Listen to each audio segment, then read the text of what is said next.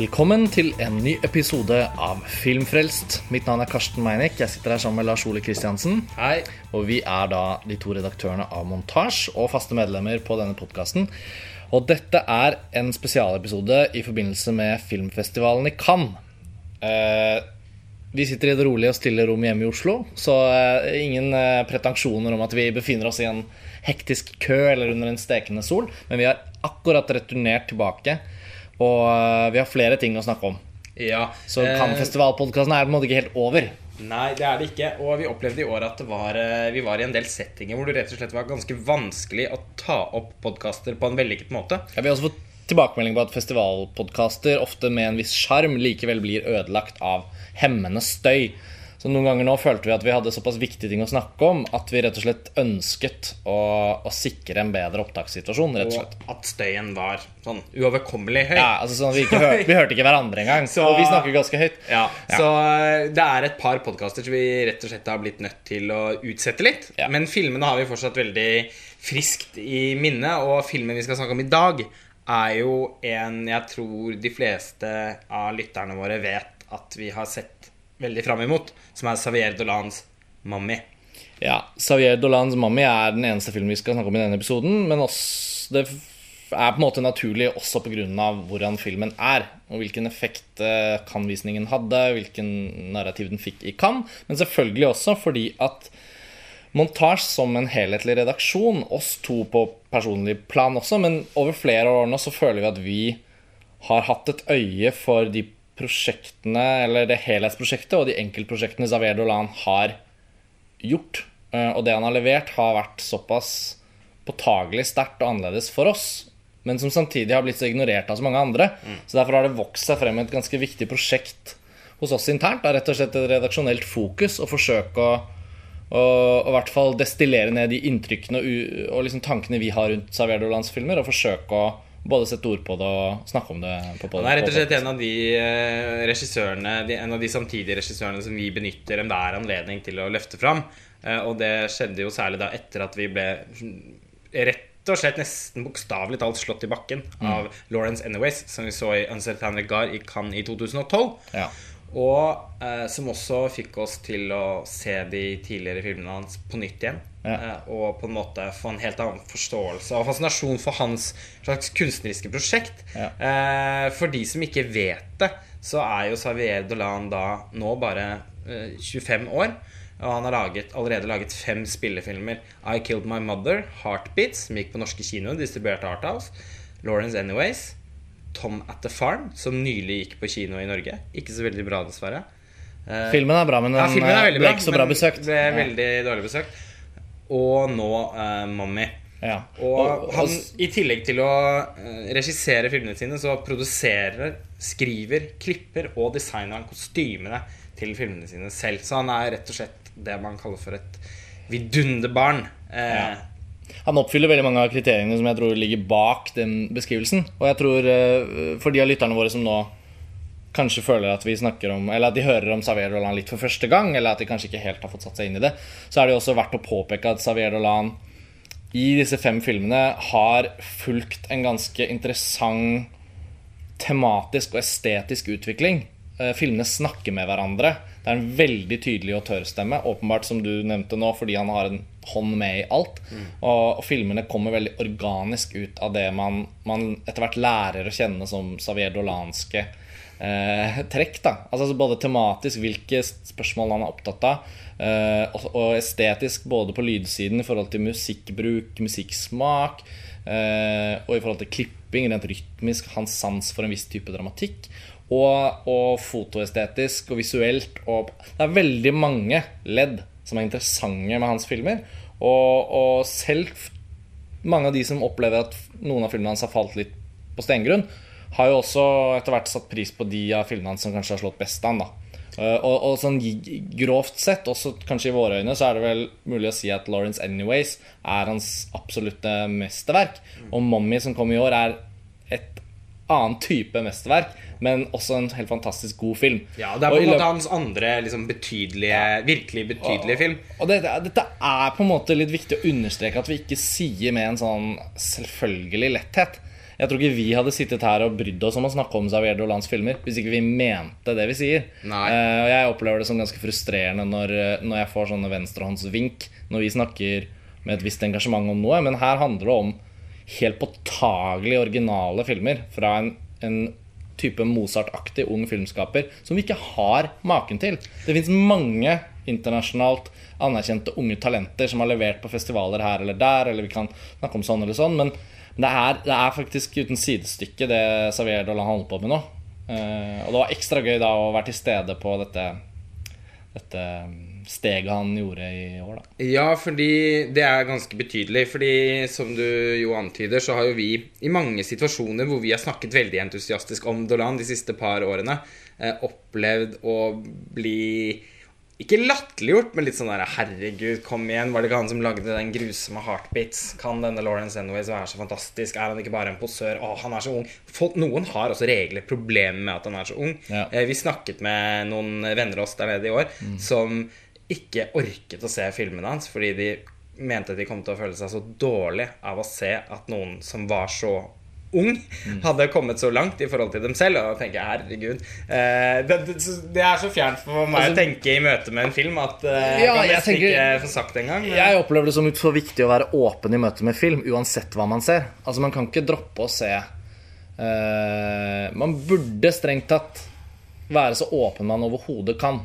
Ingen er perfekte. Jeg tror også jeg har visse sånne skalker og luker som er lukket mot enkelte ting hit til enkelte ting dit. Men f.eks. i Cannes så opplever jeg at uh, den innstillingen og den ånden man liksom blir en del av, er at alle har en mulighet, liksom. Ja. Uh, Til og med Mr. Turner hadde en ja, for ja nei, men Mike Lee var jo litt i en annen status. Da. Men sånn Abdrahmane Sisako, da. Uh, vi opplever ofte at man går og ser afrikanske filmer på festivaler, og ser at uansett hvor innstendig filmskaperne har forsøkt å få til det de får til, så er det en sånn Verket har en sånn svakhet som det virker som programmørene av den festivalen kanskje har oversett for muligheten til å programmere en slags fargerik innslag fra, fra Afrika. Et land i Afrika. Og det, og det oppleves jo både som utslettende for filmskaperne, for ryktet til afrikansk film, for festivalen på det, Men så går man likevel og ser de filmene, og i år syns jeg Sissako med Timbuktu, som ikke fikk noen priser, og som har sine svakheter, likevel var et litt sånn Faen, jeg er glad jeg gikk og så den, tross alt. Uh, og sånn er det jo også litt sånn det var en severdig film. Uh, Ja, og da tenker jeg også, bare for å bruke dette med Motsetning til Grigri Matsa ja, i fjor. nettopp, Som var jo på en måte eksempel på det motsatte. Det afrikanske alibiet i fjor. Ja, og det blir, bare så, det blir veldig veldig skadelig for afrikansk film, som er et helt kontinent med titalls forskjellige land som kan utvikle helt vidt forskjellige filmkulturer, men som er selvfølgelig i et veldig tidlig stadie av utvikling av forskjellige ja. Så det, det er jo liksom én ting. Men med Xavier Dolan i hvert fall syns jeg poenget ditt er godt, fordi det er, det er forbløffende hvor mye fordommer uh, jeg, ja, vi da har identifisert hos ganske mange forskjellige typer folk. Når det eneste han er kjent for, er å være helt eksepsjonelt talentfull. Har laget filmer som ingen annen ung filmskaper kan, kan vise til å ha fått på en så viktig scene. Altså Debuten ble vist eh, i uh, Kritikk. Kritiker... Eller. Directors Fortnite. Er Fortnite. Jeg tror det var Directors Fortnite i Cannes, altså Kanzen. Uh, andre filmen, Heartbeats, vist i Unsighted Underguard. Det, det viktigste offisielle sideprogrammet til hovedkonkurransen. Tredje filmen, Lawrence Anyways, også vist i Unsighted Underguard. Fjerde filmen, Tom Atterfarm, vist i hovedkonkurransen i Venezia, vinner Fipreschi-prisen. Femte filmen, Mummy, vist i hovedkonkurransen i Cannes, vinner juryens pris.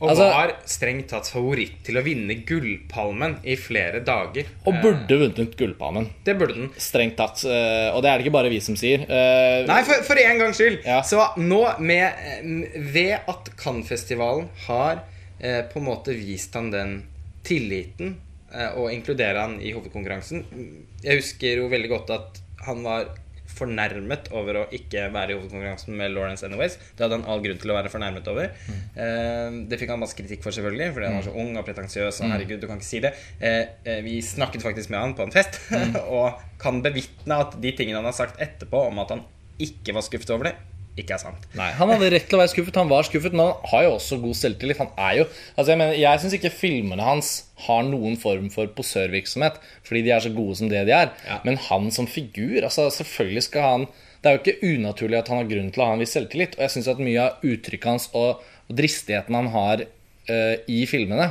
kommer jo selvfølgelig fra en god selvfølelse og en følelse at jeg, har faktisk peiling. Ja, jeg vet at jeg lager noe og Han er en meget veltalende og klok person, også som en eh, Også som en som snakker om filmene sine og om uh, film generelt. Eh, selv om man kan mobbe han for å mangle en del referanser og sånt. Fordi han Ettersom han er så ung og har laget så mye film, så har han ikke fått tid til å se så mye film Nei. som man kanskje skulle tro når man Ja. ser filmene hans. Uansett, da, så eh, var det mange som, særlig pga. Heartbeats Det er vel egentlig den filmen hans som er litt sånn eh, på, Altså, I Killed My Mother var jo uansett bare det at den ble vist i Cannes og vant tre priser. eller 21 eller noe sånt. Ja, Ja, var helt utrolig. 20, tror jeg. Lag, skrevet den da han var 16-17 eller noe. Ja. Eh, altså den var, det var en triumf selvfølgelig i seg selv. Og så var det jo også veldig oppløftende for han sannsynligvis at Heartbeats ble inkludert i en Regard. Den ble solgt til ganske mange land og sånn. Men det er en av mange ganske intenst mislikt film. Nesten sånn utmobbet film. Fordi Mm. at den er så hemningsløs, sånn hipsteraktig. Og han konnoterer den veldig sånn, en veldig hipsterhet i hele sin liksom, Mm. framtoning. Han spiller en litt sånn dust fyr, på en måte. Ja, og mange Eh, takler jo ikke bare oppsynet av han i Nei. den filmen. Nei. Og eh, ble også av veldig mange redusert til en sånn derre Ja, en, en, eh, en litt sånn eh, poserende eh, tom hipster-versjon av Von Carvai og Pedro Almodovar. Altså, Da var folk veldig sånn at han ikke hadde noe selv, at han ikke hadde noe originalitet. Som har blitt veldig tydelig at han har i i de senere Når man ser filmografien nå, kan se den under ett, så er det ganske tydelig at det ikke bare er noe slags annenrangs Von Carvai eh, han, han er. Men med Lawrence Anyway så, så følte jeg at han tok et kvantesprang fram som filmskaper. Altså det er, jeg har nesten ikke sett maken. tror Nei, det var helt enestående, og det er helt Det enestående. er fortsatt helt enestående. Det er, men problemet med den filmen er det den er det fortsatt ganske mange som ikke har sett. Ja. Altså, Den monstrøse lengden på nesten tre timer eh, gjorde den til et litt sånn ugjestmildt distribusjonsobjekt. Ja. Eh, den fikk ikke norsk kinodistribusjon, selv om vi kjempet og kjempet, kjempet for at den skulle få det. Ja. Heldigvis ble den sett av mange til slutt gjennom visninger på festivaler og cinematek, men det, det har, kommer ikke opp mot den samme liksom, tydeligheten det ville vært å ha den oppe på kino på en uh, ordentlig måte. Men også tror jeg at uh, Vi har jo hørt det i år, da.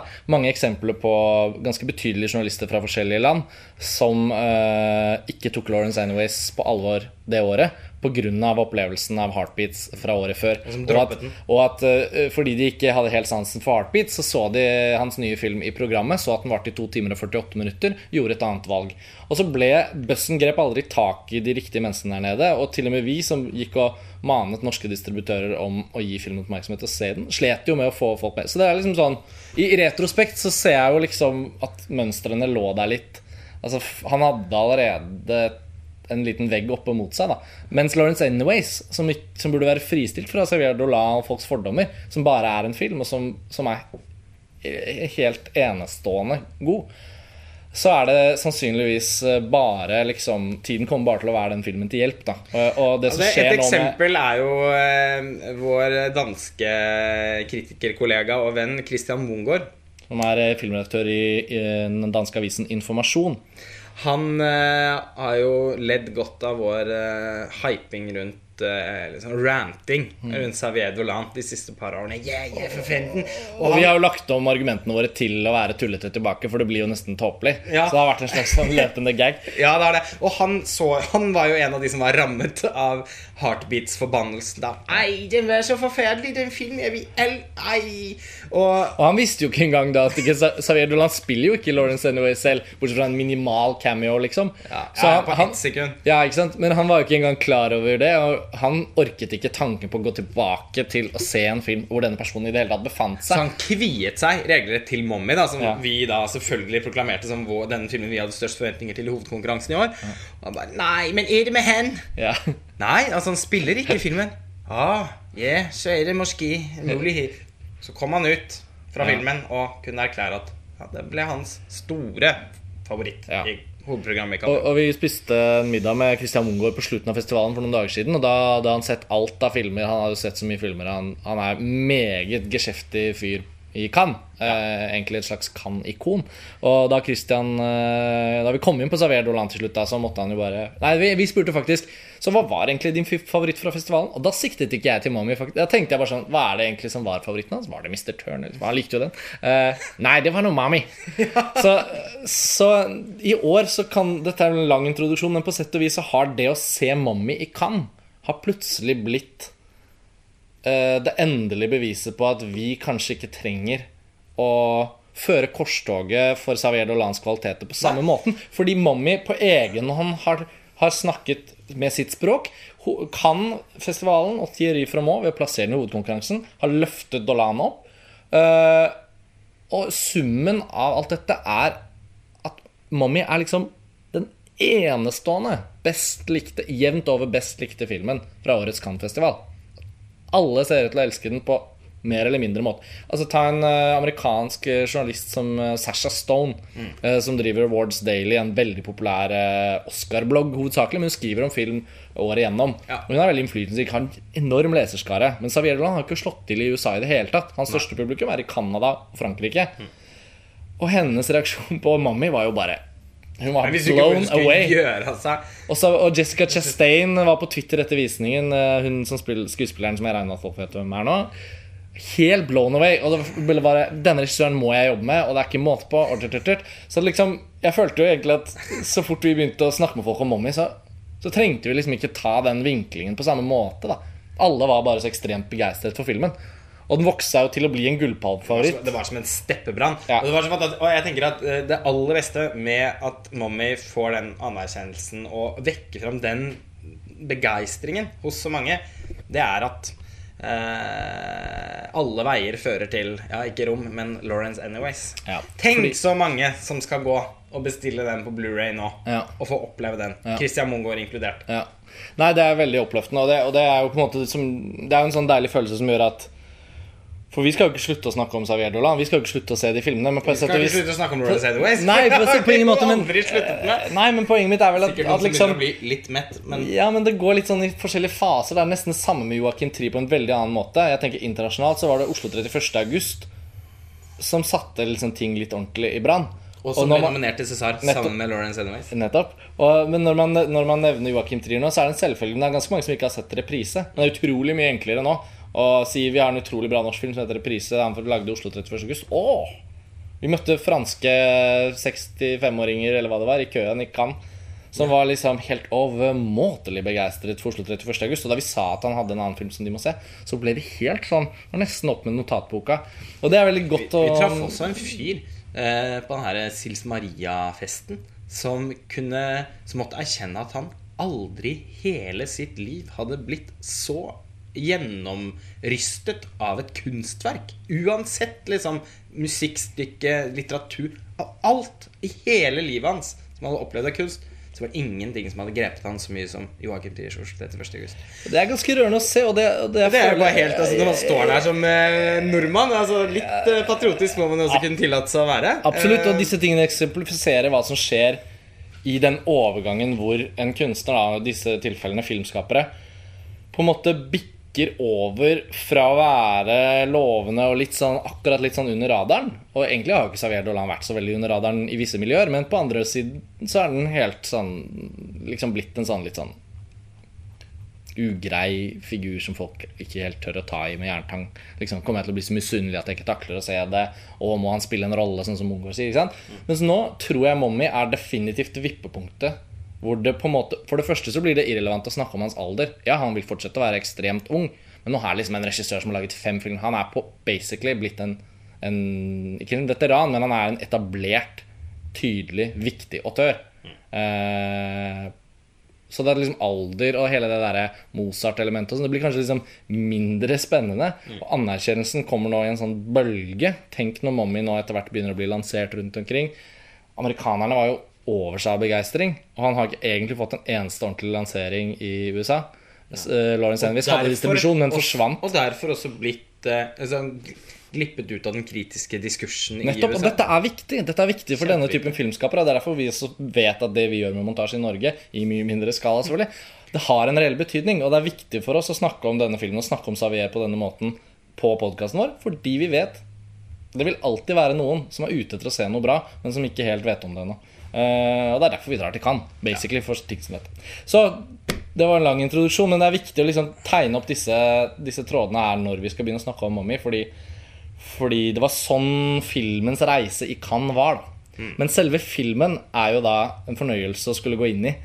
Fordi vår opplevelse av den var jo en enormt eh, interessant videreføring av Xavier Dolans prosjekt.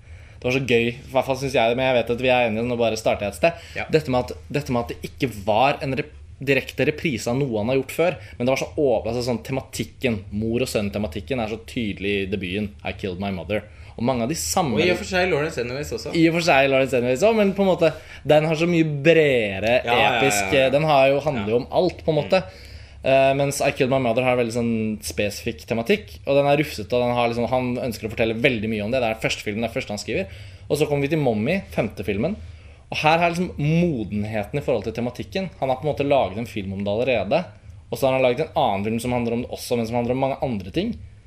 Og når han nå liksom, Denne teksten, eller dette prosjektet, har en helt annen sånn tematisk modenhet og tankekraft over seg. Mens estetikken er liksom tatt videre fra temaer som også er etablert, men som også er fornyet. Så jeg syns bare at selve opplevelsen av Mummi var sånn Wow! Det er virkelig hans femte film. Det er ikke en kopi av toeren og treeren. Altså, skjønner du? Det var ganske utrolig, egentlig, fordi at eh, Det var kanskje den eneste frykten jeg hadde Når jeg satte meg ned, at, uh, at han skulle igjen Altså sånn Fordi nå, er, nå var jo vi på et sted hvor vi var mottagelige også for en, bare en sånn ekstremt Xavier Dolansk Dolan-film. Og den er jo det òg, men føles helt ny. Eh, og som et eh, veldig sånn modent verk, da. Den tar ikke, Jeg syns ikke det er noe tvil om at den filmen den minner mest om, er Lawrence Anyways.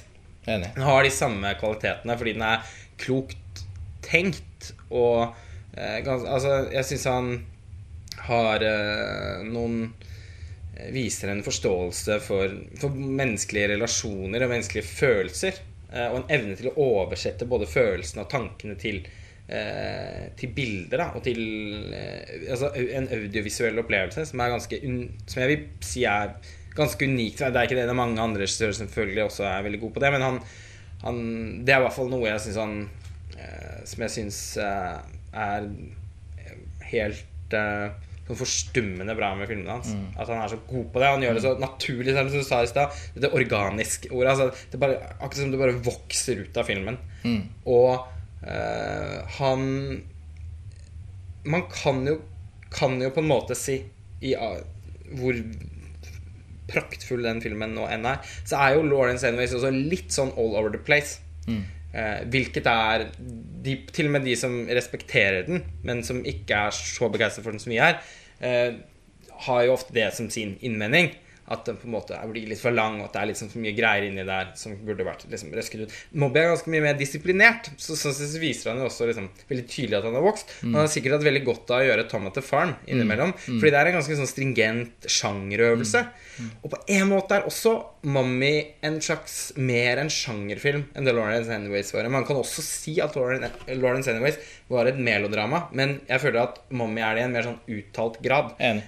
Jeg husker vi var inne på Den er det. mer sånn artikulert som melodrama. Det er eh, Og veldig sånn eh, høy temperatur og høyt volum på hele filmen. Uten at den liksom mister sin ynde i å bli en sånn skrike... Ja, fordi den har en sånn Den har noe sånn almodovarsk eh, Absolutt, temperatur i seg. absolutt og det er en av de mange liksom mange de slektskapene man kan si at Dolan har til forskjellige typer filmskapere og forskjellige typer uttrykk. Ja.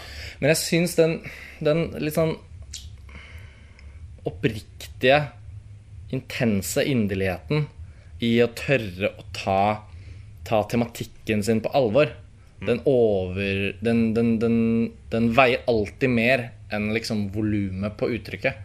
Jeg syns, jeg syns uh, i, i Lawrence Anyways, når de er på det kjøkkenet, og, og vi, det har ladet seg opp, og det har ladet seg opp, og det har ladet seg opp, og, og de har en samtale som selvfølgelig blir til en eksplosiv krangel, så er det jo mer høylytt enn jeg kanskje kan huske å ha sett noen annen film. på en måte Eller sånn, i hvert fall Mens man ser den filmen, så tenker man har jeg noen gang sett en scene hvor replikkene går raskere og intensiteten er høyere.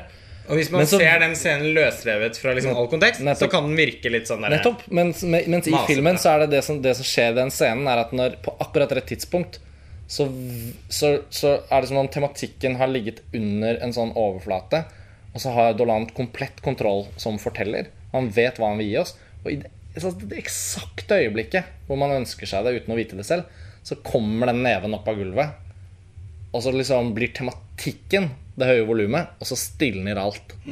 Og den, der, den evnen til å liksom orkestrere dramatikken. Både med et, et, høyt volum i uttrykket. Og da mener jeg sånn det, det vi snakker om nå, bokstavelig talt. Altså høye replikker, rollefigurer som snakker så fort at, at rulletekst, altså tekstingen på filmen klarer ikke å holde følge, nesten.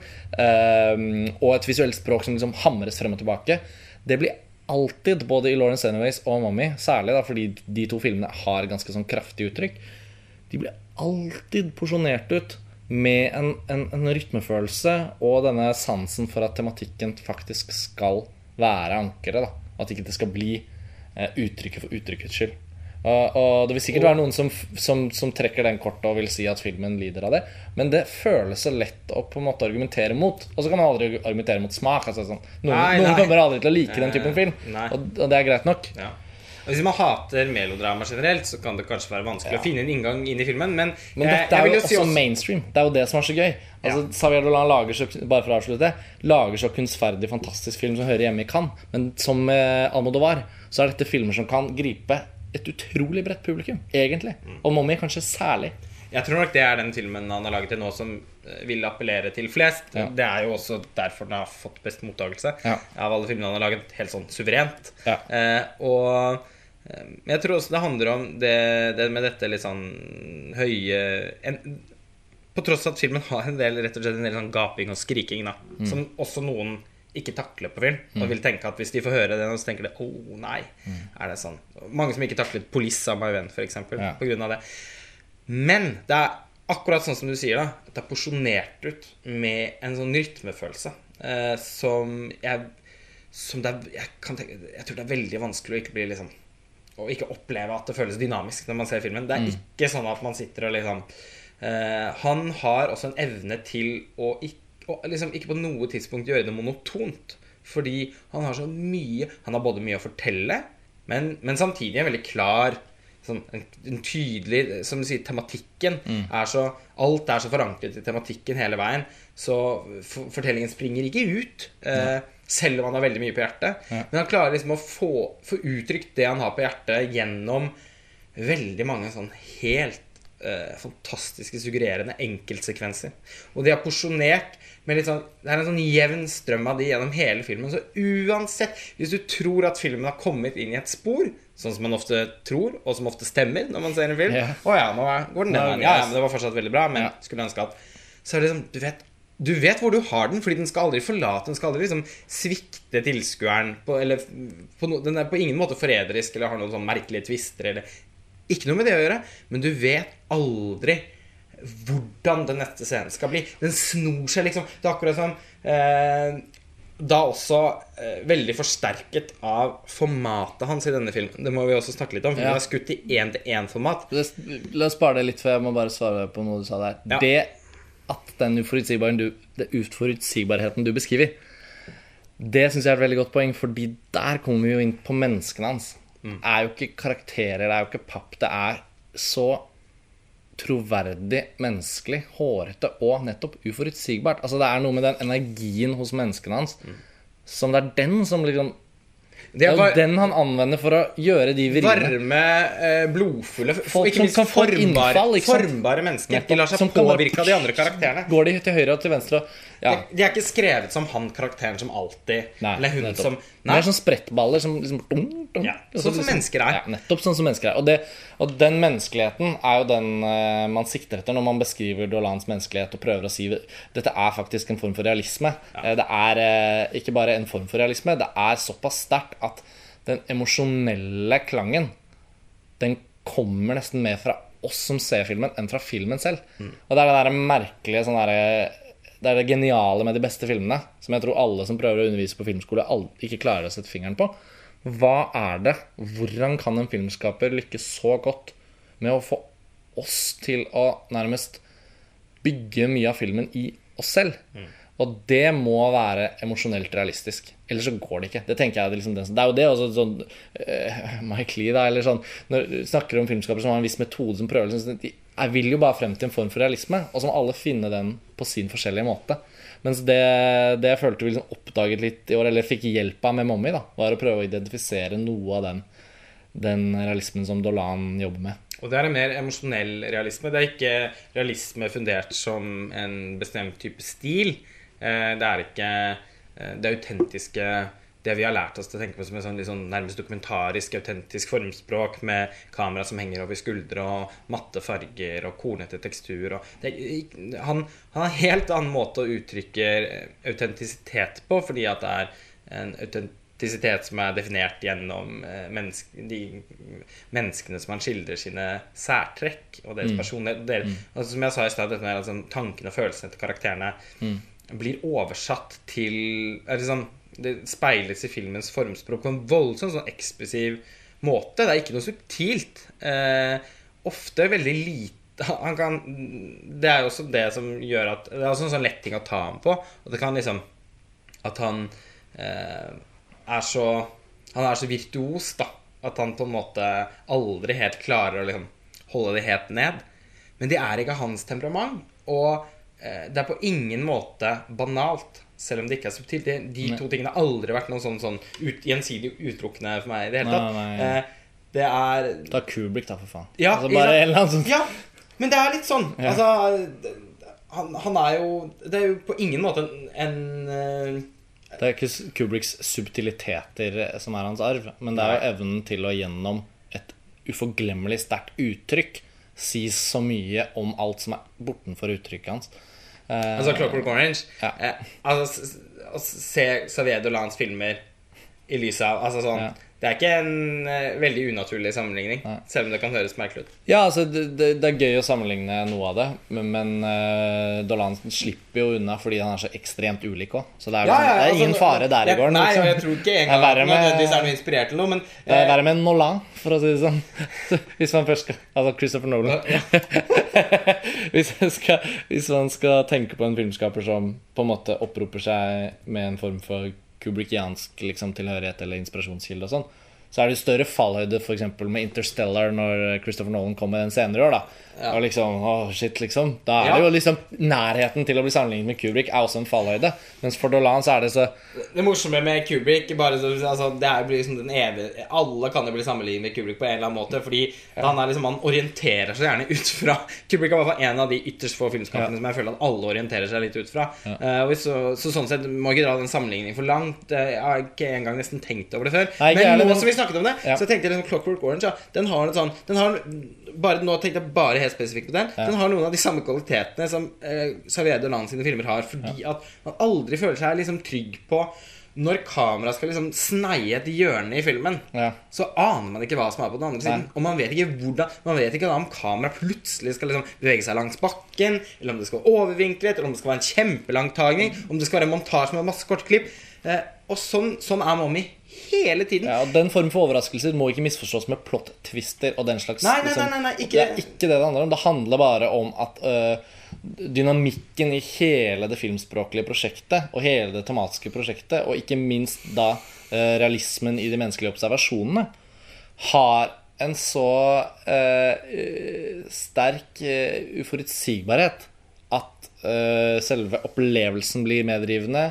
Eh, troverdigheten blir økt. Altså det, blir bare, det, bare, bare, det er egentlig den typen energi som skaper de virkelig store filmene, tenker jeg litt eh, Så er det en type film Det er en film hvor man kan sitte etterpå og liksom tenke på en ikke ja. Anselig liksom, mengde enkeltøyeblikk Ja. som man aldri vil glemme. Ja. Altså, sånn, han, er, han er liksom sånn han, Og han tillater seg det veldig òg. Han stopper opp for å liksom Ja. Nå skal vi ha en karaokescene. Ja. Den skal jeg gjøre så, eh, så emosjonelt sterk og så kul eh, at den vil stå som en referanse for i karaokescenekanoen? Ja. ja. men det, den vil jo det. Skal vi kort si hva Mommy handler om? Ja. Eh, nå, har vi, nå har vi snakket allerede i 35 minutter, men på sett og vis så, så føler jeg litt vi snakker også til en del lyttere som er litt innforstått med hva vi holder på med. Og, og av og til på Filmfrelst så glemmer jeg helt at man kanskje bør gjøre folk tjenesten og si litt om plottet.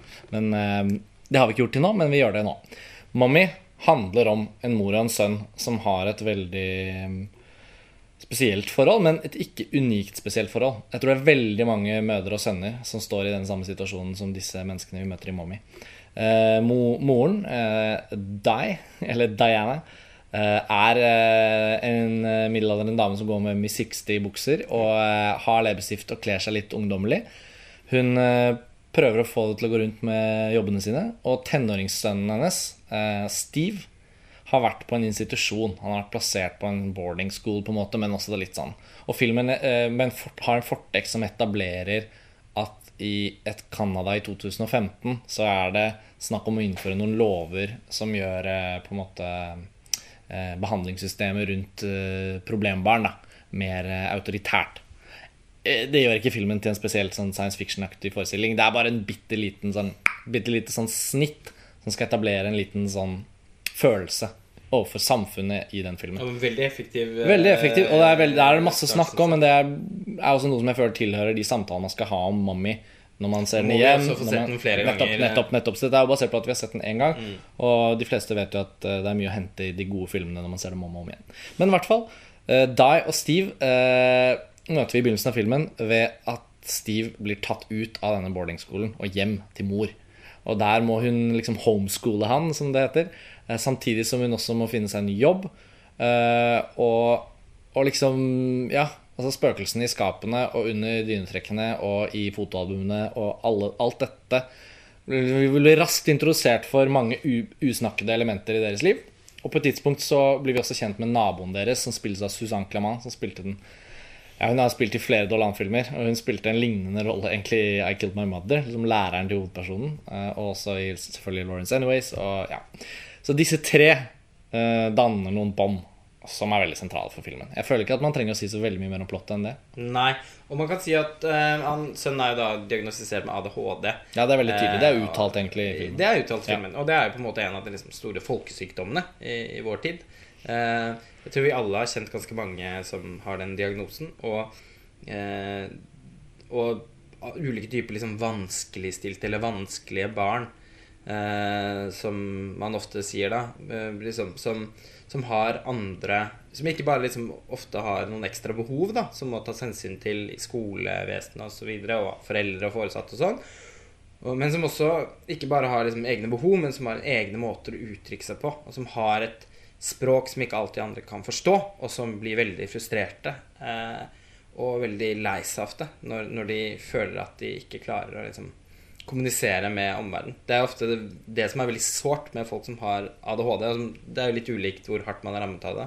Men han gutten i filmen er jo, har et voldsomt temperament og ekstremt har alle følelsene utenpå kroppen hele tiden. Han klarer ikke å skjule noen ting. Ergo så passer han ikke inn i liksom eh, høflighets... Eh, og, høf, ja, i liksom høflighetssamfunnet. Og de kutymene som mennesker har for, i forhold til å oppføre seg overfor hverandre. Ja. De, det er et språk som han ikke forstår, eh, og som moren Moren bærer jo, som jeg tror alle mødre gjør som elsker sine barn.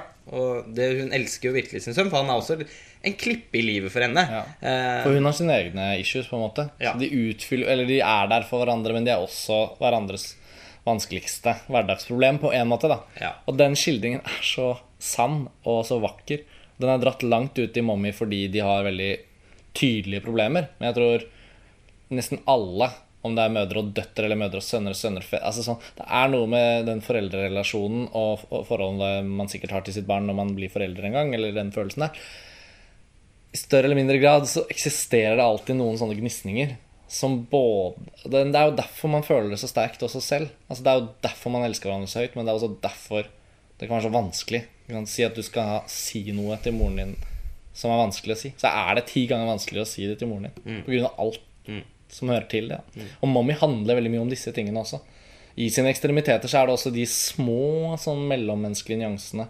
F.eks. her da mellom en mor og en sønn. Og så handler den også om, eh, om barn som vokser opp med, med kvinner. Som ikke har en farsfigur. Mm. for Der kommer det er et slags sånn biografisk element inn også for Dolan, tror jeg. Men han her har jo eh, Faren hans er jo død. Ja. Og, og det med at uh, moren blir veldig godt kjent Han og moren blir veldig godt kjent med den naboen da som blir spilt av Susanne Clement. Og det at de to kvinnene da danner en sånn, liksom, sånn ring rundt han og liksom bare bestemmer seg for at Altså sånn, Nesten som de er sånn La oss prøve. Team Steve. Ja. Så skal, La oss nå prøve sammen, liksom. Og det er så utrolig rørende å se. Og der går jo filmen inn i noen helt, helt, helt enestående minneverdige scener, da. Eh, Fordi jeg mente ikke å avbryte deg så brått der i stad når du skulle inn litt på foto og form og sånn, men, men, Men det kommer så naturlig også ut av det vi akkurat nå er inne på. Ja. Altså filmen Filmen tar i bruk veldig sånne øh, praktiske, faktiske deler av filmspråket. Altså bare sånn eh, altså, Det faktiske, liksom Hva heter det? Aspect ratio på engelsk. Eh, bildeformatet. Fra det til musikkbruk til altså sånn, Og alt kommer ut av det for, der fortellingen er. Ja. Og det er så elegant og, og det- vakkert gjort. og det er akkurat som liksom eh, At karakterene kan dra med seg formen inn i rommet. Eh, på en uforutsigbar måte. Apropos det vi snakket, har snakket en del om allerede. Og eh, det er så fint å se på de tre at alle betyr noe og kan få fram liksom, styrker og svakheter hos hverandre. Eh, og kan vokse på å kjenne hverandre. Og Det er særlig en scene for hun naboen da, som stammer, og som er ganske sånn forknytt. Hun har ikke alltid stammet. Altså, ikke, det er bare en liten ting, men det er litt viktig å si at hun, hennes fortid kommer jo også frem. Ja. At hun har vært en lærer som rett og slett bare ikke kan være lærer lenger. I hvert fall for en periode. Og hun har begynt å stamme, på en måte. Det er en veldig sånn fin liten ting Ja. som er utgangspunktet for hvordan vi blir kjent med hennes karakter. Ja, hun blir jo liksom tegnet opp som en litt sånn nervøs, eh, tilbaketrukken type, på en måte. Um, selv om hun på også er litt kontaktsøkende, uh, som jo er noe årsaken til at hun blir kjent med, med Diane og Steve, da. Men en, det er en scene ganske sånn, ti, relativt tidlig i filmen hvor de eh, har en, hatt en middag sammen og har drukket eh, litt, og hvor han Steve plutselig kommer ut eh, på kjøkkenet hvor de andre er, eh, og har sminket seg litt og, liksom, og er klar for å danse, fordi han er glad i å danse. Det er noe han kan. Det er noe som gir ham mestringsfølelse. Så kommer han ut helt sånn til en Céline Dion-sang, eh, og kommer da ut med en sånn håndbevegelser i sakte film, eh, uten at liksom Det virker som om hele scenen er i sakte film. Det er akkurat som bare han eh, går i slow motion mot de og klarer å dra med seg da hun nabodama til å liksom bevege seg til musikk. Hun kan sangen. Hun de, på et eller annet tidspunkt så roper vel en av dem 'Céline Dion, hun er en nasjonalskatt'! For dette foregår jo i Canada, for de som ikke Nå har jeg jo ikke nevnt det, men altså, Xavier Dolans filmer foregår i Quebec, da, fransktalende Canada. Ja. Men det er altså så eh, Så fantastisk Ja, rørende! Ja, den er helt utrolig. Det var ikke et øye tørt, tror jeg. Håper jeg. Nei. Nei, altså det, er jo- det er jo Det er jo flere eksempler. Det er også Jeg foretrekker å ikke beskrive alle sekvensene utover i filmen, men det kommer altså Ja, For den er nokså tidlig, da, så jeg føler ikke at ja, nei, absolutt. Altså, det, på ingen måte Den er en av de som kunne bli lagt ut på det- internett på forhånd. Ja, og denne må vi også snakke om fordi, fordi det er en del av det å beskrive filmen. Mm. Uh, dette er ikke en film uh, hvor man har noe mindre glede av den, tror jeg. Hvis man vet litt. Nei. Og nå har vi nesten ikke begynt å snakke om mesteparten av det som skjer i filmen.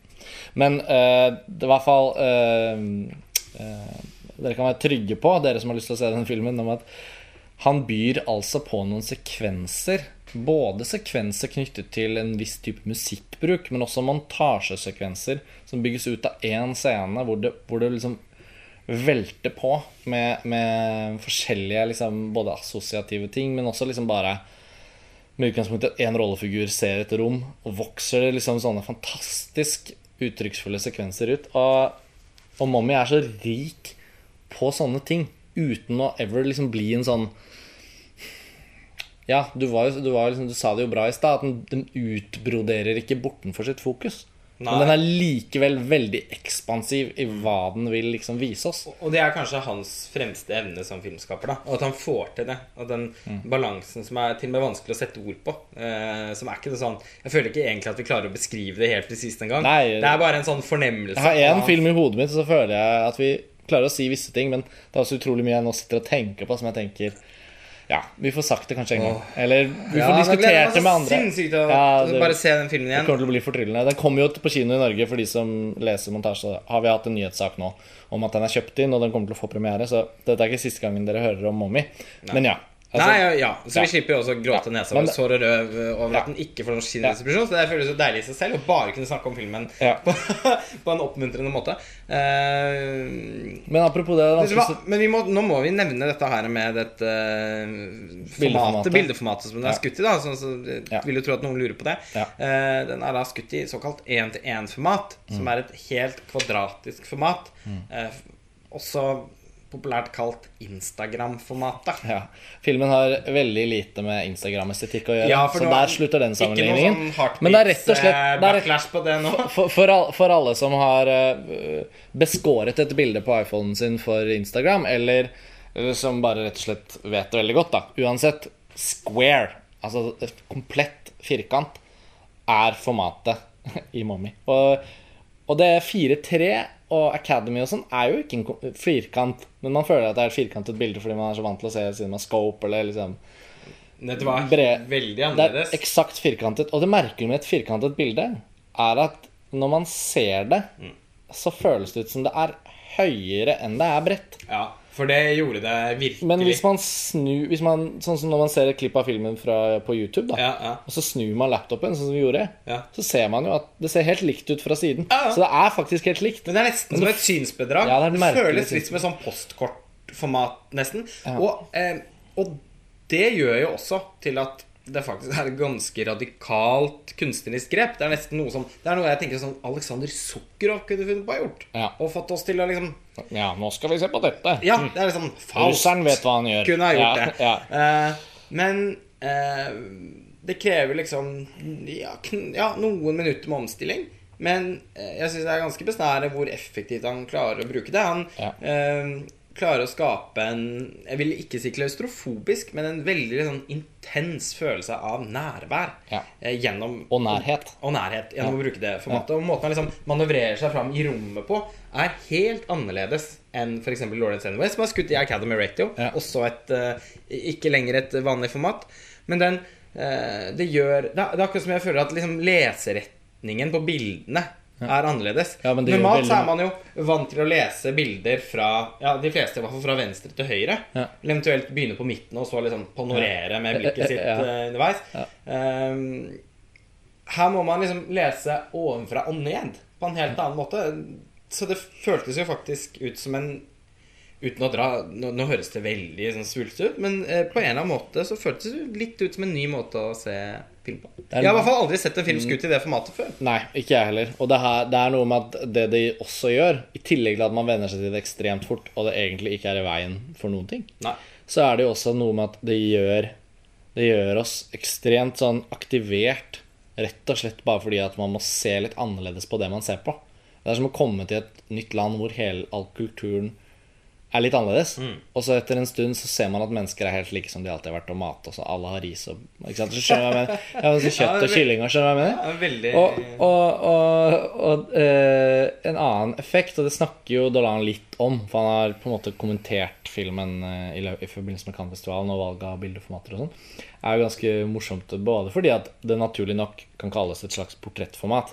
Eh, altså Det menneskelige ansiktet er jo det man alltid snakker om som, som filmens store verktøy. Muligheten til å filme et ansikt og, og projisere det på et lerret, sånn at et ansikt blir så stort. Man har aldri sett et menneskelig ansikt så stort før. Før 1895 så fantes det på en måte ikke, bortsett fra selvfølgelig enorme malerier, da, men det var på en måte, jeg tror det var en litt annen følelse. Et menneskelig ansikt i bevegelige bilder. Og det beste eksempelet mitt fra gamle dager er jo på en måte Dreyers eh, Jeanne d'Arc. Eh, som har altså noen ansikter som, som, som er umulig å glemme hvis man ikke man, Når man har sett filmen. Men, men, eh, men dette square-formatet til Dolan tar oss jo på en måte både inn i dette ansikt Altså et ansikt passer veldig godt inn i en square. Det kan vi filme, liksom. Altså, du kan ta et bilde av meg med iPhonen inn i firkant, og så har du ansiktet mitt. Den er grei. Men med utgangspunkt i at han da filmer disse fantastiske ansiktene sine og, og gjør oss kjent med de menneskene, så klarer han også å få dette firkantede formatet til å lage en veldig sånn spesiell romfølelse. Og det syns jeg er imponerende. Ikke bare internt i deres liksom hjem, men også liksom på tvers av gaten, over til naboen, disse veiene, broene. Det er liksom Han får det til å bøye og strekke seg og bli ekstremt sånn Det er sånn sug i bildet. Tenk på bare den trafikksituasjonen Ja, ja, ja. Ja, ja, ja. Så var det, Ja, det var da man, jeg følte da man merket effekten av det formatet. Veldig. Ja, den er, det, men den er en film som rett og slett suger deg inn med en gang. Og den har så mye at han kunne gjort veldig mange forskjellige grep med det formatet. Og jeg tror så lenge han hadde sine grunner for å gjøre det, så tror jeg han ville fått til å fungere. Og han gjør jo også grep underveis, Han uten å si noe mer om det. Nei, det er, Eh, det er en scene hvor det skjer noe med formatet Ja, som det- fikk eh, Da brøt hele- Lumière-salen hvor mange mennesker er det? Over 2300 2300 mennesker. i en sånn, der, sånn brus av applaus, eh, som er jo helt fantastisk å oppleve. Eh, men jeg vil bare også si en annen ting om det, det Dolan trakk frem. For han trakk frem CD-coveret som dette firkantformatet som vi kjenner så godt. Og, og CD-coveret har jo på en måte dødd ut. Eh, men jeg skjønner jo veldig godt hva han mener. Og, og det tar meg litt inn på noe vi har snakket om i en artikkel på Montasj som ble publisert eh, første dagen etter at vi var tilbake fra Cannes, hvor vi oppsummerer mye av festivalen og snakker litt om noen trekk. Eh, og jeg syns det er relevant å trekke den litt inn nå i liksom, siste biten av samtalen om Mommy. For noe av det vi har diskutert, som ikke bare handler om Mommy, er jo at eh, Og egentlig har vi snakket litt om det i flere år, basert også på litt sånn nyere fransk film, som ikke er eh, sosialrealistisk, men som har en egen type realisme. Eh, Celine Sciamma er jo en filmskaper som også var i Cannes i år med en film, 'Bande de Fille', som vi snakket om i en tidligere podkastepisode.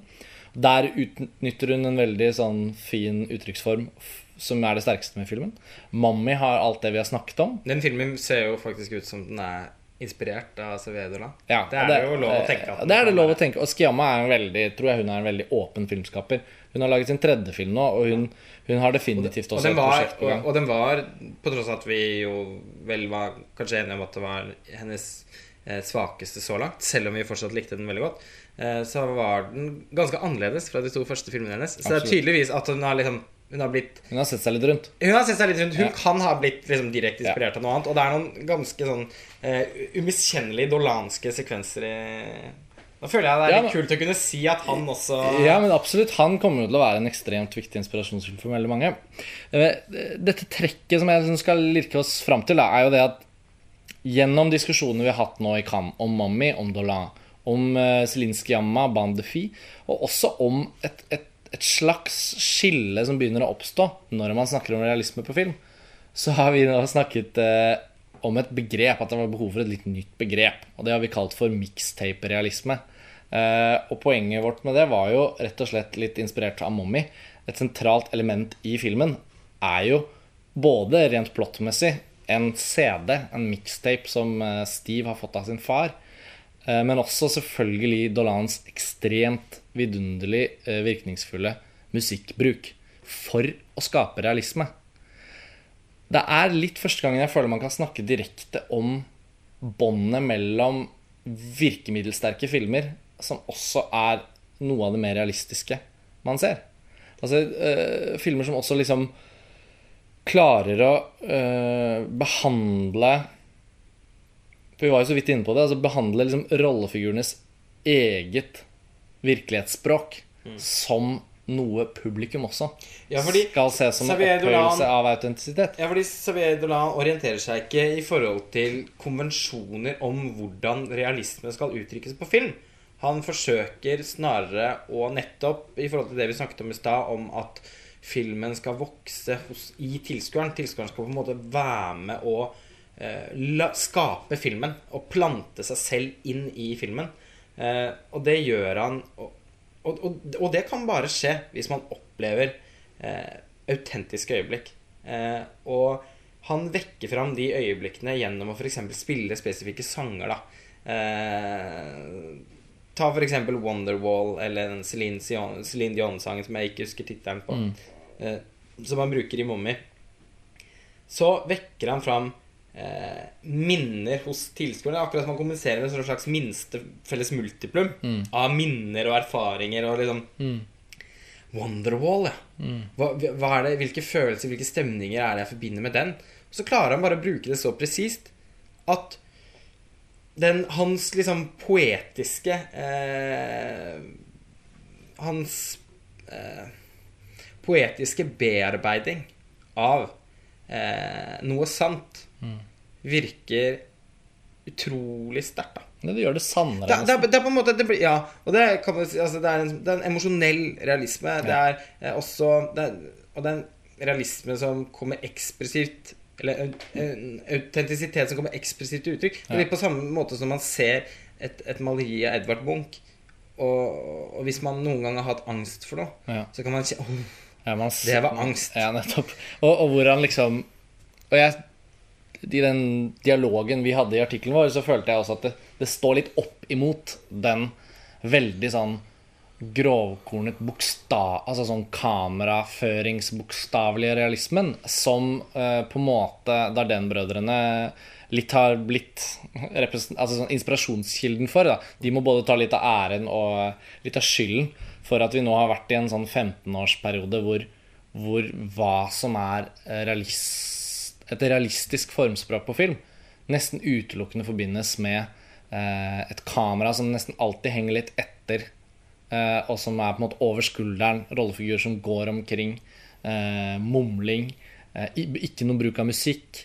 Altså sånn, det skal være en sånn der, eh, asketisk eh, formbruk som skal rydde vekk alle forstyrrelser som gjør at vi skal se det virkelige. Og så er det også en tematisk sånn sans for å, å da si at det virkelig også er det sørgelige, det miserable, det som, eh, det som er blottet for lykke. Det er noen sånne troper knyttet til den realismen vi har på en måte vært i hermetegn enige om da, i, film, i, film, i kontemporær filmkunst. Ja. Som liksom egentlig tar vekk så mye av den realistiske verden mange av oss lever i. Som gjør det distanserende. Og der opplever jeg at det er på vei til å skje et skille. Ja, og sånn sett så minner det mer om f.eks. Andrej Tarkovskij, da. Ja. Eh, eller Krzysztof Kieslowski, for den saks skyld. Som også gjennom en voldsomt virtuos eh, virkemiddelbruk Ja. vekker fram sanne, sterke følelser.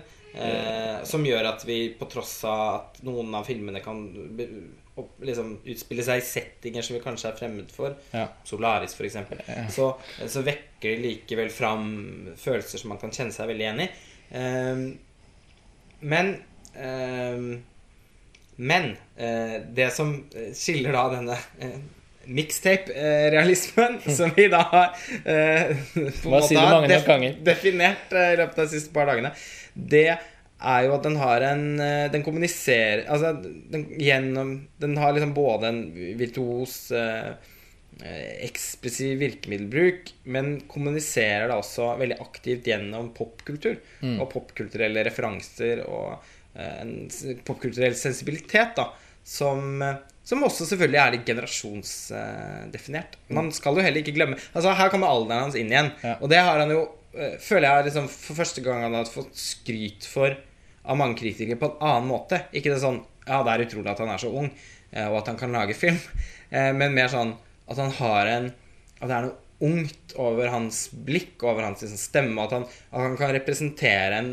ny generasjon med både Ikke bare med filmskapere, men også med tilskuere. Ja. Uh, Helt enig. Og, den, og, de- og de Altså ungdommen nå til dags, holdt jeg på å si. Men, men den unge kulturen da, nå til dags, uansett om det er gammel eller ung som omfavner den, så føler jeg at en av, den, en av de kulturtrekkene vi definitivt har sett, i hvert fall de siste ti årene, om ikke de siste 15 årene, er jo en stadig mer fragmentert og sammensatt kultur. Hvor et uttrykk nesten aldri bare består av én ting, Ja, men det består det- av veldig mange elementer. ja, for på en eller annen måte så mener Det er det jeg mener at uh, gjør at begrepet er ganske treffende. da At uh, vi er liksom i en mixtape-kultur. Vi er liksom i en, en, en, en, serie av montasjer som vil omgi seg hele tiden. Ja, for jeg tenker at Ja, for dette er jo egentlig ikke sånn eh, Det kunne nesten høres ut som jeg tenkte på det som noe sånn mer sånn konkret generasjonsdefinert. Det er jo ikke det jeg mener. Jeg mener egentlig akkurat det du sier nå, at det er mer sånn at alle som har vært på en nattklubb, eller sittet på YouTube, eller vært på sosiale medier, eller sett på eh, musikkanaler på TV eh, de siste 20-30 årene, på en eller annen måte, vil jo helt uh, intuitivt ha en liksom, ha en tilhørighet da, til, den, til en sånn type populærkultur. Ja. Eh, og det er selvfølgelig også veldig mange andre filmskapere, som har, altså Wong Kar-wai igjen, da, Ja. eh, som jo ofte har blitt trukket fram som en av Xavier potensielle store inspirasjonskilder. Eh, men men, Tarantino, for den saks skyld. Men jeg føler er likevel at han, Ja, for det er noe helt annet. Og jeg føler likevel at, de, eh, at Xavier Dolan eh, gjennom alle sine filmer Celine Sciamma Mm. eh, gjennom sin, særlig sin siste film Eller egentlig bare den siste film. Mm. Eh, Men på en reise fra det hun gjør i Vannliljer via Tomboy til Bandefi Jeg tror ikke hun kommer til å ta en sånn Darden-aktig retning i måten hun lager film på. Hvis du skjønner hva jeg mener? Det er ja. ikke den veien hun er på vei. nei, det var jo også markert jo da også Bandefil ganske tydelig. Men, men for å bare ta Nå, bare, nå, nå kommer jeg på et par ting. Nå bare tar jeg det her uten å tenke noe mer over det. Hva opplever du som bare Hvis du tar på første Bare det første du tenker på. Hva opplever du som den mest sannferdig minneverdige scenen i Jacques Audiards Rust and Bone? Den mest sannferdige, minneverdige scenen i Rust and Bone eh, jeg føler jeg meg helt sikker på. Det er den scenen, det er også den eneste scene, nesten den eneste scenen jeg likte i filmen. Det er den scenen hvor Marianne Cotillard står og danser til den utrolig vakre Katy Perry-sangen 'Fireworks'. Eh, og, Foran spekkhoggeren. foran spekkhoggeren, Ja, og, og fordi hun står og liksom dig, digger sangen. Da, da får man en sånn derre Vi skjønner hvem hun er. Det, det vi skjønner, er Ja. at hun er et menneske. Nettopp. Vi en som hører på radioen, og som liker popsanger, og som Det er et sånn utrolig, utrolig vakkert øyeblikk Ja. i en ellers så Nettopp. fryktelig Og jeg tenker Jacques Audiard, mer av det. Annet eksempel Fishtank av André Arnold. Over skulderen, ja. Mye av det. Mye av den der grove realismen som, som, som vi ser så mye til. Men det Men når, men når er det Fishtank er på sitt beste? Når er det vi virkelig kjenner hvem hun jenta er? Det er dansingen.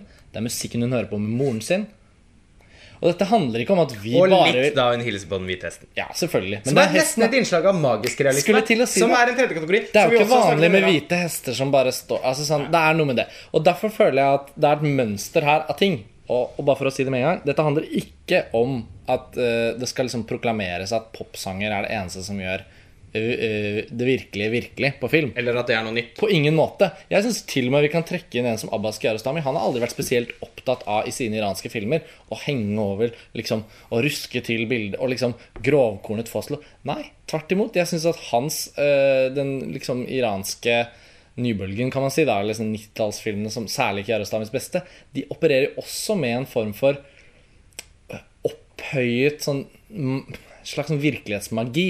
Ja, det er ikke popsanger som spiller en rolle der, men, men, Nei, pop, men popkultur. Altså hvordan film Altså selvrefererende film. Ta Close Up, for eksempel. Altså forholdet til film. Altså eh, Sabzian i Close Up. Han har sett filmene til Makhmalbaf. Han har sett seg selv i den filmen, som gjør at han vil være Makhmalbaf. Det blir ikke et liv verdt å leve for han hvis ikke han kan gå- inn i noe annet. Den fortellingen er jo helt utrolig på siden av veldig mange ting. Men veldig mange som har sett den filmen, føler jo at de har sett en film om Iran. De har sett en film om, om, om å være under eh, undertrykkelse på forskjellige måter. Altså, så, kanskje andre filmer er bedre eksempler på det, men, Ja, men jeg altså, tror det finnes mange følge- altså, veldig Det mange av finnes- filmene til Abbas Rostami har jo et sånt metaelement, eller en sånn veldig sånn eh, medie... Han diskuterer noe mediespesifikt. For eh, han har jo åpenbart et veldig sånn eh, Et nysgjerrig eh, En sånn pågående nysgjerrighet i forhold til eh, hva en film er for noe, og hva det å lage en film innebærer. Det å være foran kamera i en film. Hvilke, liksom, hvilket maskespill er det som bla, bla, bla, ba, Og han bevisstgjør en form for realisme som spiller på andre ting. Men selv om vi har Men liksom han er en meget utpreget intellektuell filmskaper. da Nettopp. I kontrast til mixtape-realisme. Realist. Ja, det kan man si, men nå føler jeg det var viktig å slenge ut noen ytterpunkter mens vi snakker om dette. Ja. Selvfølgelig er dette et begrep som er på en måte nytt og i en form for sånn støpeskje. Og vi har, vi har jo på en måte sett har fått et veldig godt overblikk over en sånn Det er jo hovedsakelig noe vi leker oss med. jo men, det, det, er- eh, jo, men det er viktig å leke seg med visse ting, fordi at jeg opplever at når vi, når vi reiser til Cannes-festivalen, Ja. så er vi eh, vel så gode observatører av det akutt kontemporære som foregår, som alle andre som er der. Jeg mener er, Ingen er bedre eller dårligere kvalifisert enn noen andre til å gjøre observasjoner. Men på sett og vis så føler jeg liksom at det man da ender opp med å diskutere, når man virkelig tar disse filmene på alvor, som vi gjør, og prøver å virkelig Selv de filmene man ikke liker, så prøver man å forstå hva er det som gjør at Mr. Turner er så stiv, og som på ingen måte formidler noen form for realisme. Uansett hvor mange grynt han grynter i løpet av den filmen, så er den jo død. Det er en flat film. Og jeg mener at selv om vi nå har lekt oss med noe, så leker vi oss med det fordi jeg tror vi begynner å søke oss inn mot noe som ikke helt har, har blitt satt i, i sammenheng med hverandre før. Altså Jeg tror også at det å diskutere hva som oppleves sant og realistisk, er i hvert fall for meg føler jeg at, eh, at det har vært liksom noe litt sånn viktig å prøve å forstå. Bortenfor å bare skjønne hvordan man skal sette ord på en film. Eller vi har, liksom... vi har liksom, hatt Dette har jo på en måte vært en pågående samtale vi har hatt ganske lenge. Bare at den har befunnet seg på andre steder enn Ja. i mixtape-realismen. ja. Kjerne Ja. eh, før. Eh, vi har blant annet vært Vi var også, snakket også veldig mye om realisme eh, etter eh, La Vida Del, eller Blå er den ja, varmeste fargen. Eh, og hva slags, hvilken tilhørighet den hadde. Kan du nevne en minneverdig scene fra den, da? Altså, eh, der er det jo så mange minneverdige Ja, jeg scener. Jeg Men jeg har én spesiell der også, som, er, som jeg syns er det Som jeg kanskje syns er den scenen som eh, gjør at jeg nå, etter å ha sett den ganske mange ganger, og tenkt og skrevet mye om den filmen, føler at det er et sånn helt essensielt verk da, i filmhistorien.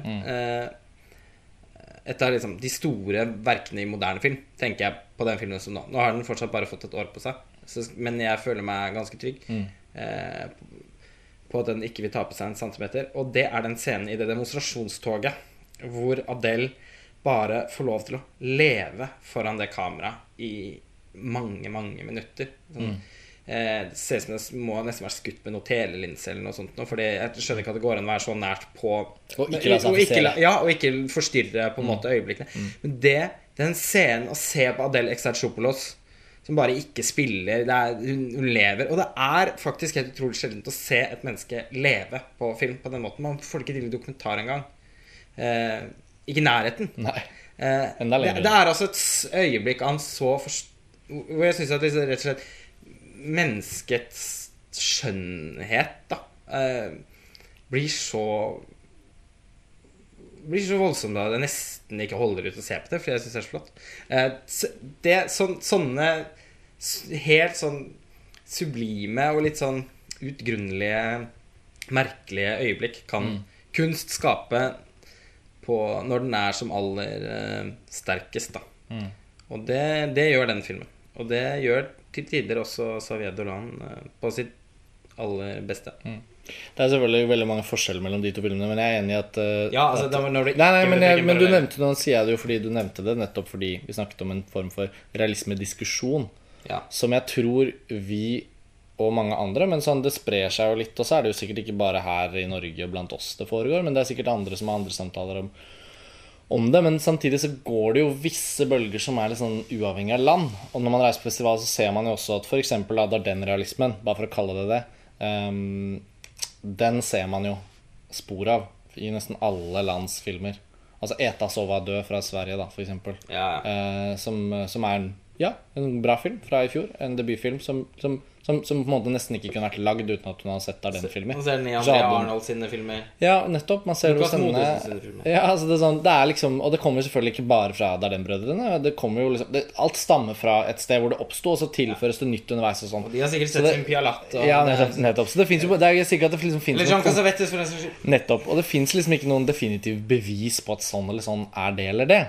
Men det som opplevdes interessant, og grunnen til at jeg syns det er liksom fint å bare snakke om det nå, er at det er friskt i minnet vårt. Det er ukonkret, egentlig.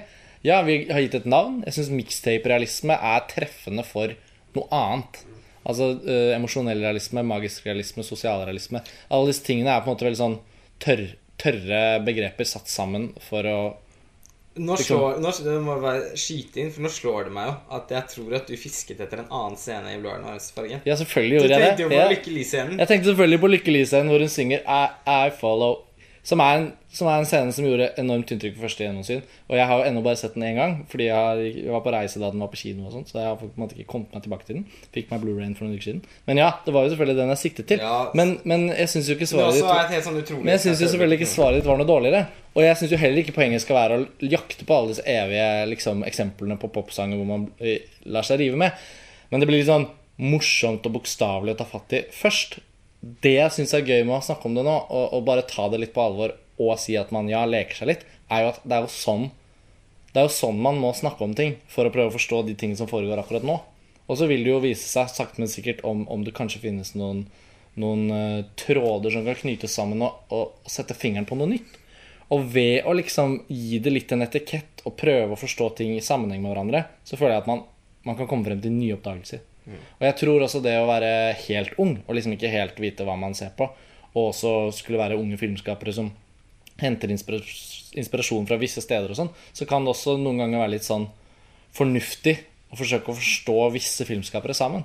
Det gjør det Ja. lettere å få alt til å gå opp. det var egentlig det det begynte med når vi diskuterte så mye om realismebegrepet, bare sånn mellom oss. Eh, her på kontoret og sånn, eh, etter, eh, etter vi hadde sett 'Blå er den varmeste fargen' i fjor, var at vi nettopp også definerte den som, no, som en veldig liksom, for Noe av grunnen til at vi ble så grepet av filmen, var også at den føltes utrolig liksom, menneskelig, og, og derfor autentisk. Eh, men at vi også liksom umiddelbart kunne kategorisere den som noe helt annet enn f.eks. det Darden har blitt det sånn. Ja. Noen gal gallionsfigurer for, da. Ja. Og da, Jeg husker veldig godt at vi beskrev det som en sånn at man kan se flere franske filmer fra 2000-tallet. Eh, at det er en sånn på en måte mer sånn der uaffisert realisme. En sånn matter of fact-aktig realisme. Som, ikke, eh, som ikke etterstreber et eh, Å liksom ha et realistisk Et formspråk som skal forsterke realismen gjennom grep som veldig vinglete og håndholdt kamera. Eller sånn, veldig, veldig kornete tekstur og sånn. Som er helt bare sånn clean. Og Ab- Abdelatif Kechish sine filmer er veldig det. Eh, synes faktisk Lauren My- Cantet eh, sine filmer, Klassen, for My. Venn er også My Venn, Police. Police. Eh, syns det er en minneverdig scene der på den bussen. Nei, jeg skal slutte å gjøre. Ja. Men eh, de bare- Sigøynerbarna. Men, men Nei, men altså, ja. Og dette husker jeg også at vi snakket om. Og, Det var og Mia Hansen Løve. det eh. Fordi det var også en av de aller mest gripende scenen i Police. Og nå Ja. danner det seg et mønster. Det er mulig at vi er veldig det. veldig mottagelige for det. Ja. Uh, det vet jeg garantert. Poenget med alle disse eksemplene faktisk er at det er ikke, det er ikke bruk av musikk som en Ikke sånn det er tøft at de brukte den Nei, sangen. det er, en, det er ikke en liksom Det er ikke en distanse som gjør at vi skjønner at her har de fått tak i en låt som piffer opp. Det er ikke en montasje som transporterer oss fra et sted til et annet. Og så bruker han noe kul musikk. Det er ingenting av det. Det er nesten bare utelukkende eksempler hvor det er integrert i det mennesket vi observerer, eller de menneskene vi observerer, og hvordan deres musikk, forhold til en sang eller forhold til en, en spesifikk scene der og da, opphøyer eh, hvordan vi liksom opplever dem realistiske som mennesker. da. Ja, fordi eh, det er liksom Musikk er faktisk også noe vi har alle har til felles. Mm. De aller fleste, i hvert fall. Jeg vet at det finnes noen som ikke, som ikke har musikalitet, eller som ikke liksom, er glad i musikk engang. Mathias Fallbakken, blant annet. Han Ja. er visstnok ikke så glad i musikk. Eh, Ikke Egil Drillo Olsen heller. er han ikke? Nei. Altså, eh, og jeg har selvfølgelig respekt for det, eh, men det er i hvert fall noe veldig mange mennesker har til felles. da Ja. Eh, Og på den måten så kan man snakke om at det å bruke musikk Ikke for å bruke den musikken som i størst mulig grad gjør en sekvens stilig, eller, Ja. men som eh, gjør at vi at, at vi lettere kan speile oss inn i filmen. Eh, Jeg føler at alle disse eksemplene som vi trekker frem nå, er den bruken av den Celine Dion-sangen i 'Mommy', eh, bruken av 'Lykkelig' i, i 'Blå er den varmeste fargen', og bruken av en sang som jeg ikke kjenner til engang, i, den, eh, i 'Police', Police, ja. så er det sånne øyeblikk hvor man uff, blir rørt fordi at Å, så var det mennesker. Ja. Fordi at de nynner til en sang. Eh, Og fordi de liksom beveger på kroppen sin. Liksom, at, at de faller ut et øyeblikk. Det er akkurat som de går ut av rolle. På en måte man, man er jo ofte, og, Sånn er det også, selv om karakteren kan være aldri så mangefasetterte eller liksom, formbar underveis i fortellingen, og sånn, så får man likevel ganske sånne rigide ideer om hvem en karakter er, hvordan vedkommende handler filmer som ofte er- egner seg litt dårlig for gjensyn, er jo ofte filmer som har karakterer som, er, som bare er det samme hele tiden. Som Mr. Turner, eksempel. Som Ja. grynter tusen ganger kanskje i løpet av den filmen. Kunne vært en drikkelek hvor et, et, et shot for hver grynt. Ja. Og hva Du skjedde? blir- Nei, du det blir drita før Hva, hva drakk seg her, da? Det så Ja. Grynteleken til Mr. Turner. Nei, men uh, ja, nå Men det, uansett, i hvert fall. ja, eh, det Poenget mitt uh, er at uh, At eh, Nei, så klapper jeg det. Ja, men poenget ditt tror jeg i hvert fall handler om forskjellen mellom en flat opplevelse av mennesker og en rik opplevelse av mennesker. Ja, jo, Det jeg mente, var det med at man liksom eh, At det er akkurat som de faller ut av rollen litt. Nettopp. Når de lever seg inn i en sang. Nettopp. Og det er liksom grunne Det er akkurat som vi kan falle ut av Jeg kan føle på det selv hvis jeg liksom egentlig Jeg står på bussen, f.eks., eh, og så må jeg egentlig konsentrere meg om hvor jeg skal gå av. Fordi jeg er så distrert som person. At jeg, må, jeg vet at jeg må egentlig huske på at jeg må passe på å gå av på riktig stopp. Og så har jeg på meg øreklokkene mine og hører på en sang, og så bare faller ut. Ja. Jeg tror For å bare på en måte forsøke å avslutte denne runden av dette Vi kommer nok til å forsøke å snakke litt mer om dette for å forstå det bedre selv også. Men jeg tror det finnes noen mønstre her som, som liksom legger litt grunnlag for å forstå at et virkemiddel som det, da, med denne, disse, disse integrerte sangene eller låtene som ett eksempel, men at de kan få en type realistisk effekt som føles moderne, og som føles som om det tilhører vår tid. Og jeg opplever jo at når man først liksom Når man først fjerner alle de sterke eh, sosialrealistiske fortellingene og bare sitter igjen med et kamera som gjør alt det kan for å være upresist, på en måte, for å etablere at vi er der in the moment. Det er ikke noe mindre banalt som et enkelt formgrep enn man kunne si at det å gi rollefigurene en scene hvor de hører på en sang, er på en måte banalt. Jeg syns det går an Det går an å bruke Som alle virkemidler går det jo selvfølgelig an å bruke det på en måte som gjør at det blir utrolig idiotisk. Men samtidig så tror jeg det er viktig liksom, for en gangs skyld også snakke om potensialet for den emosjonelle realismen, da mixtape-realismen, ut av noen sånne virkemiddelbruk som har vært påtagelig virkningsfulle i mange av de filmene vi har snakket om. Og det hører til vår tid, og det rimer med hvordan vi opplever våre egne liv. Og på sett og vis så tenker jeg da at dette kanskje ikke ville vært mulig på 70-tallet, f.eks. Nå hopper jeg ganske mange tiår tilbake, men sånn Det er noe som også reflekteres i vår tid, som gjør at dette føles naturlig å snakke om. Men nå kom jeg på at altså, en film som sikkert også vil være interessant i en eller annen anledning å snakke om ut fra de ulike typer perspektivene som vi har snakket om nå, er 'Dancer in the Dark'.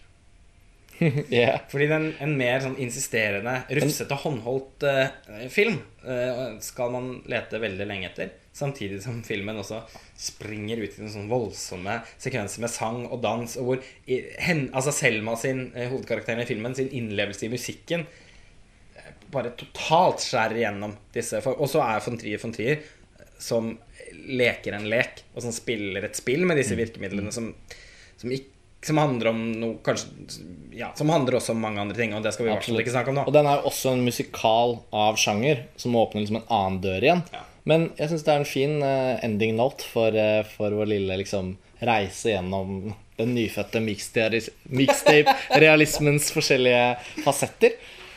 Vi skal vel også avslutte om Mommy, fordi dette skal ikke bli nødvendigvis en altfor lang episode. Jeg syns vi har fått vært innom veldig mye av det viktige vi har tenkt på og følt på og snakket om siden vi så den i Cannes. Ja. Uh, vi vet jo veldig godt at disse Xavier Dolan-filmene vi nå får servert årlig, uh, skal ses og fordøyes og tygges på, og det er mye mer som gjenstår å snakke om. Men det har vel kommet veldig klart og tydelig fram at dette var en ekstremt uh, sterk og emosjonell opplevelse også. Det var Cannes-festivalens åpenbart beste film. Den var for omsluttende rik, men den var likevel ikke en så enestående Det var liksom ikke et enestående masterpiece, liksom, sammenlignet med andre filmer i hovedkonkurransen, på samme måte som de tre foregående årene, egentlig, hvor det nesten har vært åpenbart. The Tree of Life, Amour og Adele, eh, altså Blå Norris Fagen.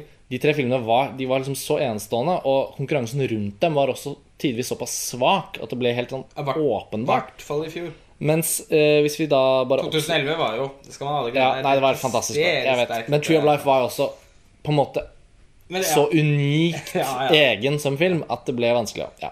Men årets utgave, for å slutte der, da, har jo på en måte hatt en prisutdeling, og det har vært diskusjoner, og og Mommy fikk da på en måte tredjeprisen, eh, og delte den med Jean-Luc Godard. Eh, hans film 'Adieu og Language' har vi jo da hatt en podkast om. Men, men, og dette diskuterer vi også litt i den oppsummeringsartikkelen. At ja, de ble sammenstilt for å representere en form for gammelt og nytt, og, og i år hadde vi alt, på en måte. Og så, og så er det jo da en jevnt over en ganske tydelig følelse blant mange kritikere å forstå seg på våre om at 'Mommy' var liksom filmen som faktisk burde fått Gullpalmen. Uh, Nuri Bilge Ceylan, den tyrkiske regissøren som jeg elsker og respekterer, han fikk på en måte en pris for en veldig solid, bra film som alle kunne være enige om. Kritikere, juryen, tydeligvis. Den er veldig bra. Men det er også en pris som føles som den gis til hele hans filmografi. Og på sett og vis så skulle man ønske at Gullpalmen ikke ble gitt på den måten.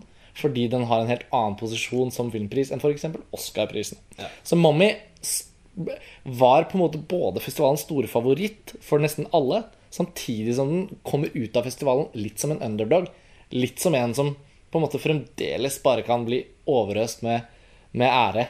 Og på en måte ikke, Det må ikke leve opp til Gullpalmen. Og på sett og vis så tror jeg nesten det kan slå positivt ut for filmen. Det tror jeg også. Og sånn in the end så tenker jeg at uh, det var ordentlig fint at og, og, og fint for Xavier Dolan å også tenke at han skal Han har ennå noe, ja. At, han må, Han må han må, at han ikke må Må ikke miste appetitten. Nei, ikke sant? Og han er sulten på anerkjennelse og priser. Ja. Det tror jeg ikke det er noe tvil om.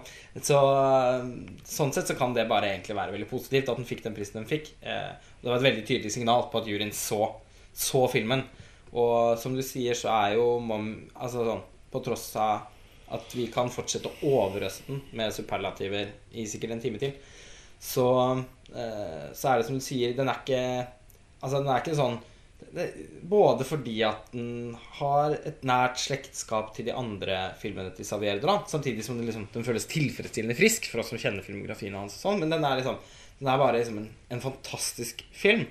Eh, men den eh, står ikke opp som en sånn derre Sånn som eksempel 'Blå er den varmeste fargen'. Nei. Eller 'The Tree of Life', for den saks skyld. Ja, ja. Altså, det, er, det, er, det er ikke heller en sånn type film. Eh, og nettopp eh, og, Den er egentlig intim, på en måte. Ja, og liksom Den er også en liten film. Ja. Eh, og den men, men på aller, aller beste vis. Mm. Og den Det at den var liksom flankert av en sterk og fin hovedkonkurranse i Cannes. Ikke bare hovedkonkurranse, men kjempebra ting i sideprogrammene. Jeg føler at det var så mye bra i Cannes. Ja, ja, ja. Eh, det var en veldig lei start med, med Mike Lee og Egoyan. Kunne bare gå oppover derfra. Ja, og skuffelsen med Bertram Bonello, som jeg fortsatt ikke har fått skrevet eller snakket om på noen som helst måte. Og det er kanskje like greit å la det ligge der. Eh, fordi at eh, Ja, du fikk ikke sett den filmen, men for meg for Vi var begge voldsomt begeistret for House of Tolerance, og det òg. Som også var en 2011-film. Ja. Eh, sant? Men, liksom, men etter det så liksom, kom det en sånn jevn strøm av interessante, utfordrende filmer som alle liksom Det var akkurat som de liksom passet litt sammen. Det var, liksom, det var mange filmer som hørte sammen med hverandre på en eller annen måte. Det var liksom hele Det var også så fint at Mommy fikk lov til å skinne i den sammenhengen. At det ikke var en sånn grusom hovedkonkurranse. Den var det eneste som Nettopp. Det kommer til å være veldig bra for den filmens arv. Ja. Bra. Da tror jeg vi er eh, ferdige med samtalen om Mommy for i kveld. Men eh, ja, nei, det er en glede å se frem mot den filmens videre liv. Og vi kan jo bare selvfølgelig da varmt anbefale den til alle lyttere. Det blir gøy å høre deres perspektiver på mulige tegn til en form for eh, mixtape-realisme. Etter at dere har hørt på dette, kanskje dere har innspill til det, kanskje ikke. Vi skal i hvert fall fortsette å leke oss med å utforske dette. Takk for at dere hører på, som alltid. Ja. Takk for, eh, takk for dere. Og Takk for oss. takk for oss. Ha det bra.